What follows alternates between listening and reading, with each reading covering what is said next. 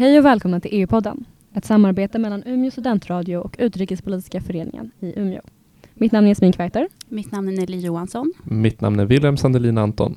Och vi kommer att sända avsnitt inför EU-valet i maj. Mr. Juror, Mr. Juror. Mr. Juror, Mr. Juror, let the union take control.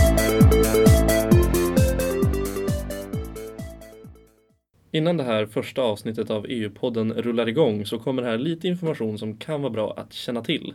Det är nämligen så här att när vi spelade in det här första avsnittet med Max Andersson, som för övrigt då är Europaparlamentariker för Miljöpartiet, då var det fortfarande så att han kandiderade till Europaparlamentsvalet i maj i år. Men eh, som det visar sig nu så har han faktiskt dragit tillbaka sin kandidatur, så han kandiderar inte längre för Miljöpartiet. Och det här uppdagades drygt en vecka efter att vi hade spelat in det här avsnittet, alltså när vi höll på att klippa det. Och sen bara här, ett par veckor efter att det här avsnittet spelades in, så kom nya uppgifter fram om att Max Andersson helt och hållet lämnar Miljöpartiet. Och Max Andersson menar då att det är för att Miljöpartiet har tagit en alltför snäv högersväng. Huruvida Max Anderssons missnöje med Miljöpartiet märks av i den här podden, det får nog ni som lyssnare avgöra. Och med de orden så hälsar vi er varmt välkomna till detta premiäravsnitt av EU-podden med vår alldeles speciella gäst Max Andersson. Hej Max. Hur mår du idag? Alldeles utmärkt. Det är så en EU-parlamentariker mår. Alldeles utmärkt.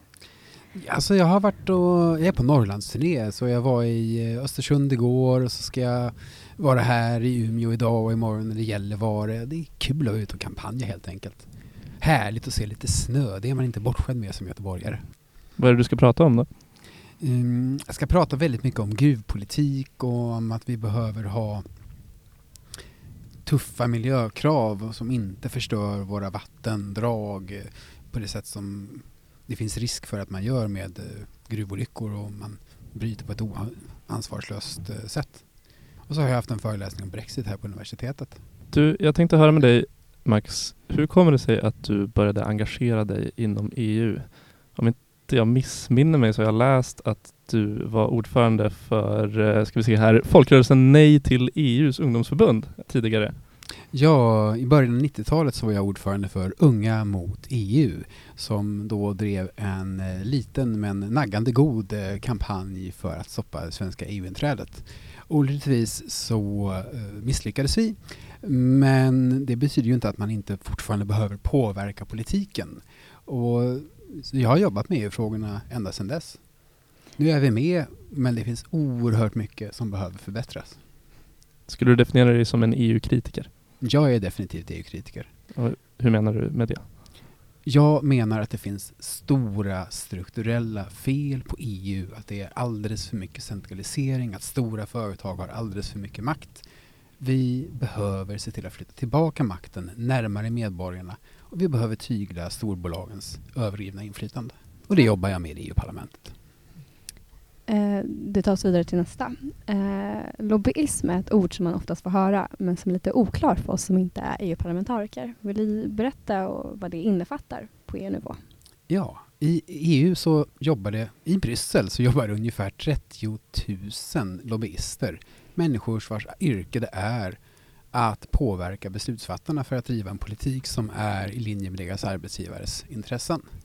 De eh, skriver tal åt politiker, de skriver röstrekommendationer, de skriver briefingpapper, de bjuder på middagar med intressanta föreläsare som övertygar, förhoppas de, eh, politikerna om att tycka som deras arbetsgivare vill.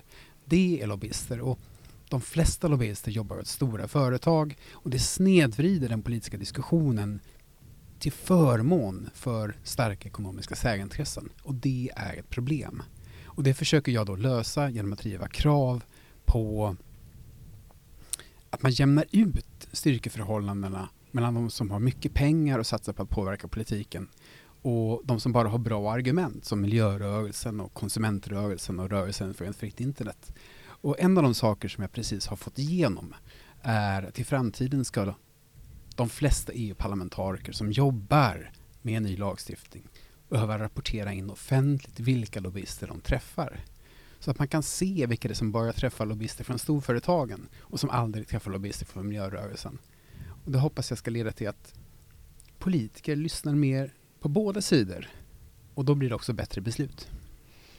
Hur närvarande på ett konkret plan är lobbyisterna för dig? På mitt kontor så har vi gjort en lobbyräkning två gånger. Första gången så blev vi kontaktade av 150 lobbyister under en vecka. Andra gången var det mer än 300 som kontaktade oss under loppet av en vecka. Så det är liksom en strid ström av mejl med inbjudningar till copyright, cocktail, seminarier, önskan om att rösta på olika sätt. Det, lobbyismen är ständigt närvarande i Bryssel.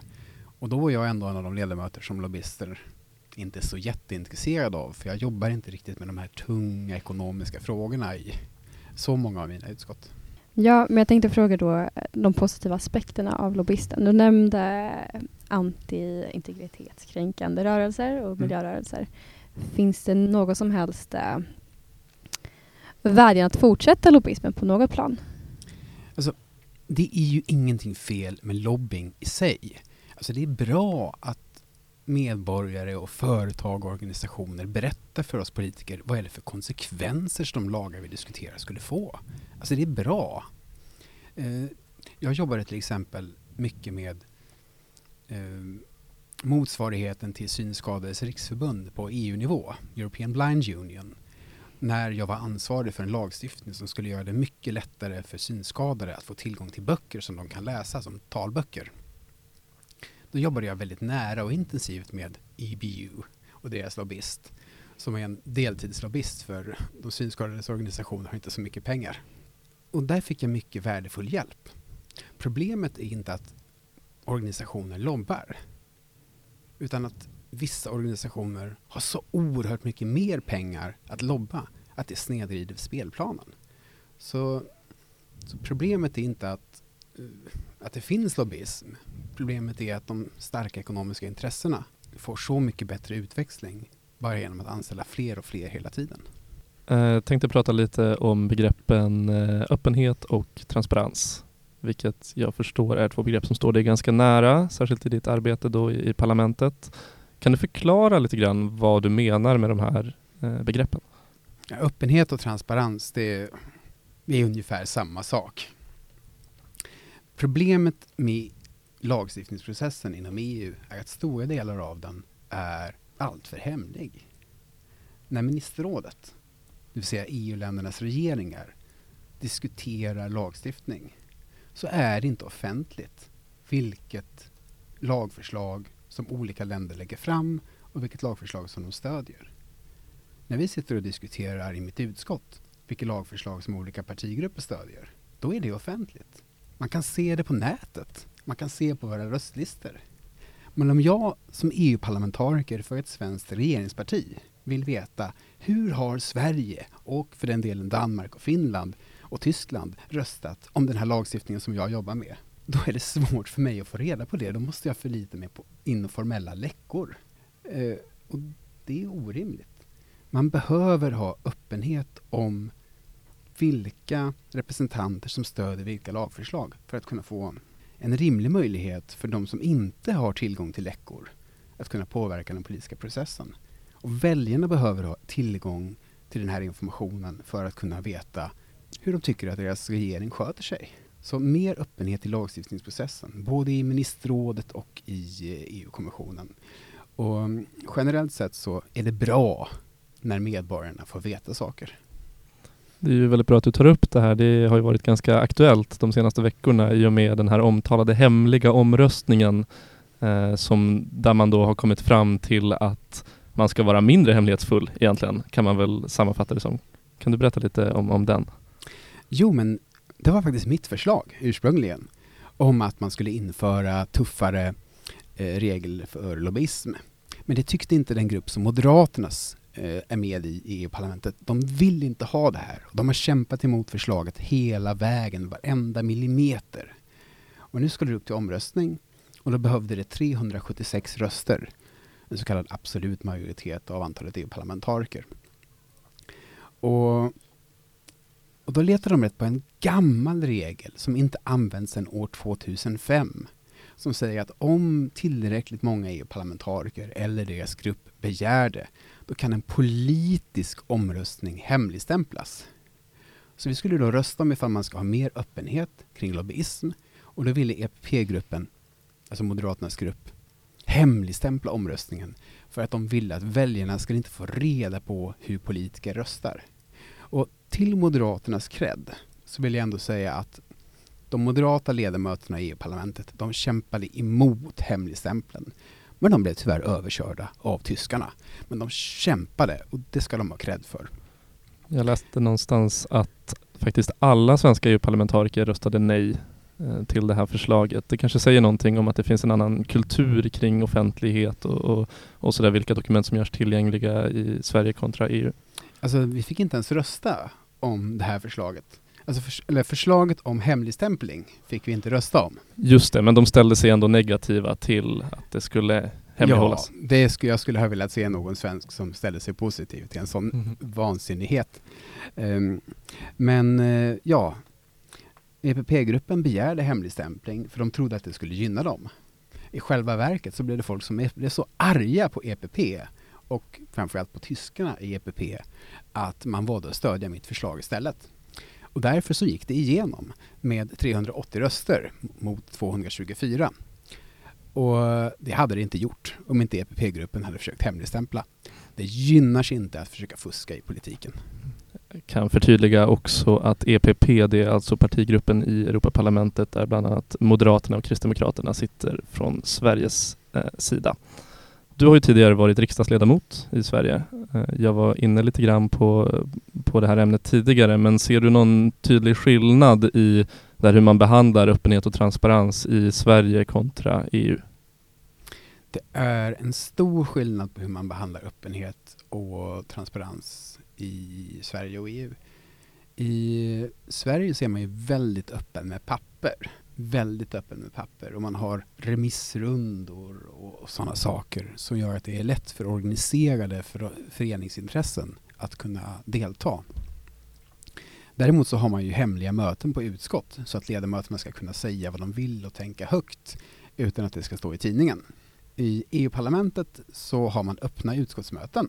Så där kan vem som helst se vad som sägs på våra, på våra möten. Men i både kommissionen, som är motsvarigheten till EUs regering fast inte riktigt, och i ministerrådet där medlemsländernas regeringar förhandlar om hur lagar ska se ut. Där är det väldigt lite öppenhet.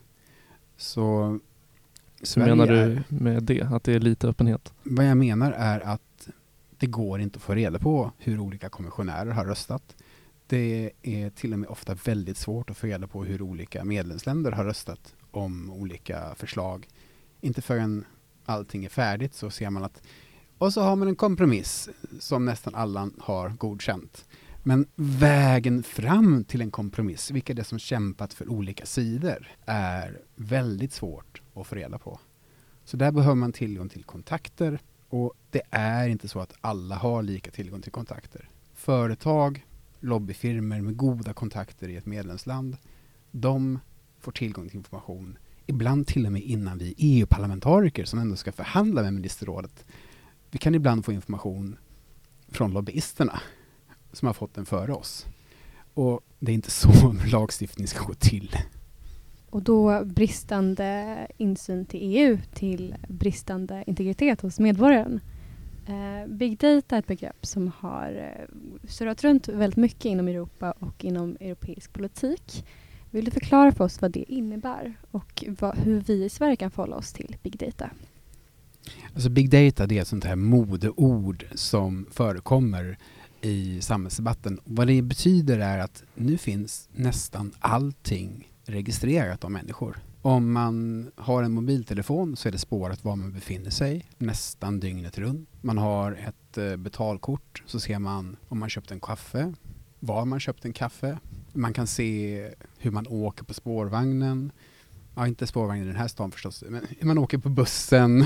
Det finns så oerhört mycket information och den här informationen kan också avslöja saker om människor. Och det här används då bland annat av företag som vill sälja saker. I USA så har man en svagare dataskyddslagstiftning än vad vi har i EU. Så där används den av försäkringsbolag för att ge vissa kunder sämre villkor eller högre priser. Därför att man kan ta fram att ja, men den här människan kan vi klämma åt lite extra.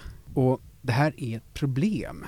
Att vi håller på att få ett övervakningssamhälle där alla är övervakade dygnet runt. Den här informationen, alltså så fort man har information i ett stort system så kan den läcka och den kan användas för att skada människor. Till för några år sedan så var det många som tänkte att ja, men det där gör väl inte så mycket. Men sen kom Cambridge Analytica-skandalen. När det visade sig att människor, någonstans kring 70-80 miljoner människor, hade gjort tester som avslöjade detaljer om deras personlighet på internet, på Facebook. Sen användes den informationen för att försöka manipulera dem inför Brexitomröstningen och inför det amerikanska presidentvalet.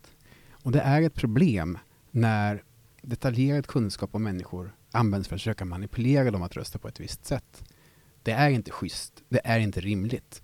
Vi behöver ha gränser för vad företag kan få göra med persondata och vi behöver se till så att persondata inte missbrukas. Varför tror du inte att frågan har fått samma genomslag i Sverige kontra vad de tycks ha fått i andra europeiska länder? Det finns ett jätteenkelt och bra svar på det. Sverige har haft fruktansvärt mycket tur. Vi har aldrig haft kommunistisk diktatur. Vi har inte ens varit ockuperade av nazister. I de länder som har upplevt diktatur i närtid så är man mycket mer försiktig med att utgå från att staten alltid kommer att vara god. För man vet att det har den inte alltid varit. Det är också därför som jag kan se att det är många östeuropeiska kollegor, även konservativa, som har varit drivande i den här frågan om att säga att nej, vi ska vara försiktiga med vad vi tillåter för registrering på nätet. Därför att de har sett hur fel det kan bli om den makt som register innebär hamnar i orätta händer. Så det finns då en risk att den här eh, frågan blir en valfråga när skadan redan är skedd? Alltså risken är ju att en diktatur använder de här övervakningsmöjligheterna som redan finns. Vi ser det i Kina, vi ser det i Iran och risken är att de använder det för att stärka sitt grepp om makten. Vissa verktyg ska man inte låta potentiella missbrukare kunna använda. Och det är därför vi behöver en stark integritetsskyddslagstiftning. Vad tror du att utfallet kommer bli efter EU-valet inom en svensk kontext? Jag tror att det blir lite lägre valdeltagande än 2014. För de politiska partierna mobiliserar inte lika mycket när det inte är riksdagsval några månader senare. det- Sen eh, vilka det är som kommer att bli invalda, det är alldeles för tidigt att säga. Och valdeltagandet i Sverige är som du nyss eh, nämnde väldigt lågt. Varför tror, inte, varför tror du att svenskarna inte bryr sig om EU-valet? Det handlar i grund och botten om att EU-valet är det som inom statsvetenskapen kallas för andra rangens val, second order election. Sådana val, som exempelvis valen till amerikanska representanthuset, har mycket lägre valdeltagande än den första rangens val, som exempelvis presidentval eller riksdagsval. Det är inget konstigt. Det är så det är. Ja, jag tänker ju att en vanlig eh, svensk kanske kan ha Alltså jag vet själv att jag har väldigt svårt att kanske identifiera mig med många eh, Europaparlamentariker medan jag å andra sidan har ganska bra koll på de svenska partiledarna. Tror du att det också kan vara en bidragande orsak? Att, man, att det blir lite mer så här person eh, mot person i, i de svenska valen? Ett av problemen med eh, e EU-valet är att ibland är det oklart var de politiska skiljelinjerna egentligen går mellan olika partier och kandidater. Det är mycket tydligare i riksdagsvalen. Å andra sidan så EU-valen har ju ungefär fem gånger högre valdeltagande än kyrkovalen. Och det är också en jämförelse som man kan göra. Jag tycker det är bra om folk röstar, framförallt om de röstar på bra kandidater som vill något. Gärna miljöpartister. Får du som EU-parlamentariker möjlighet att påverka eller känner du att byråkratin kan begränsa dig? En av de riktigt härliga sakerna med att sitta i EU-parlamentet jämfört med att sitta i Sveriges riksdag är att man har så mycket mer möjligheter att påverka. I riksdagen är man en liten kugge i ett maskineri, det finns en majoritet och en opposition och nästan varje dag som man röstar så vet man vilken sida som kommer att vinna. I EU-parlamentet så har man inte de här strikta skiljelinjerna mellan opposition och majoritet utan majoriteten byggs upp i varje enskilt betänkande. Paragraf för paragraf, sida för sida, kommatecken för kommatecken. Ibland röstar vi om kommatecken och det kan betyda något. Och då kan det vara så att en majoritet består av någon från rumänska EPP, alltså Moderaternas syskonparti, och någon från eh, det italienska, inte längre kommunistpartiet, eh, tillsammans med mig då från Miljöpartiet de gröna. Och det funkar därför att vi håller med varandra i sak, vi använder bra sakargument. Så man kan verkligen övertyga människor genom att använda bra argument och genom att vara påläst och bygga relationer med människor. Så man kan påverka mycket mer i EU-parlamentet som politiker. Och det är väldigt roligt när det går bra. En eh, slutlig sista fråga då. Om det är en sak som vi lyssnare ska ta med oss inför EU-valet, vad är det? Det är val till EU-parlamentet igen den 26 maj nu i år 2019. Gå och rösta och ta reda på vad det är ni röstar. EU-parlamentariker spelar roll. Vi påverkar lagstiftning. Det kan vara viktigt, så se till att rösta på någon som är bra.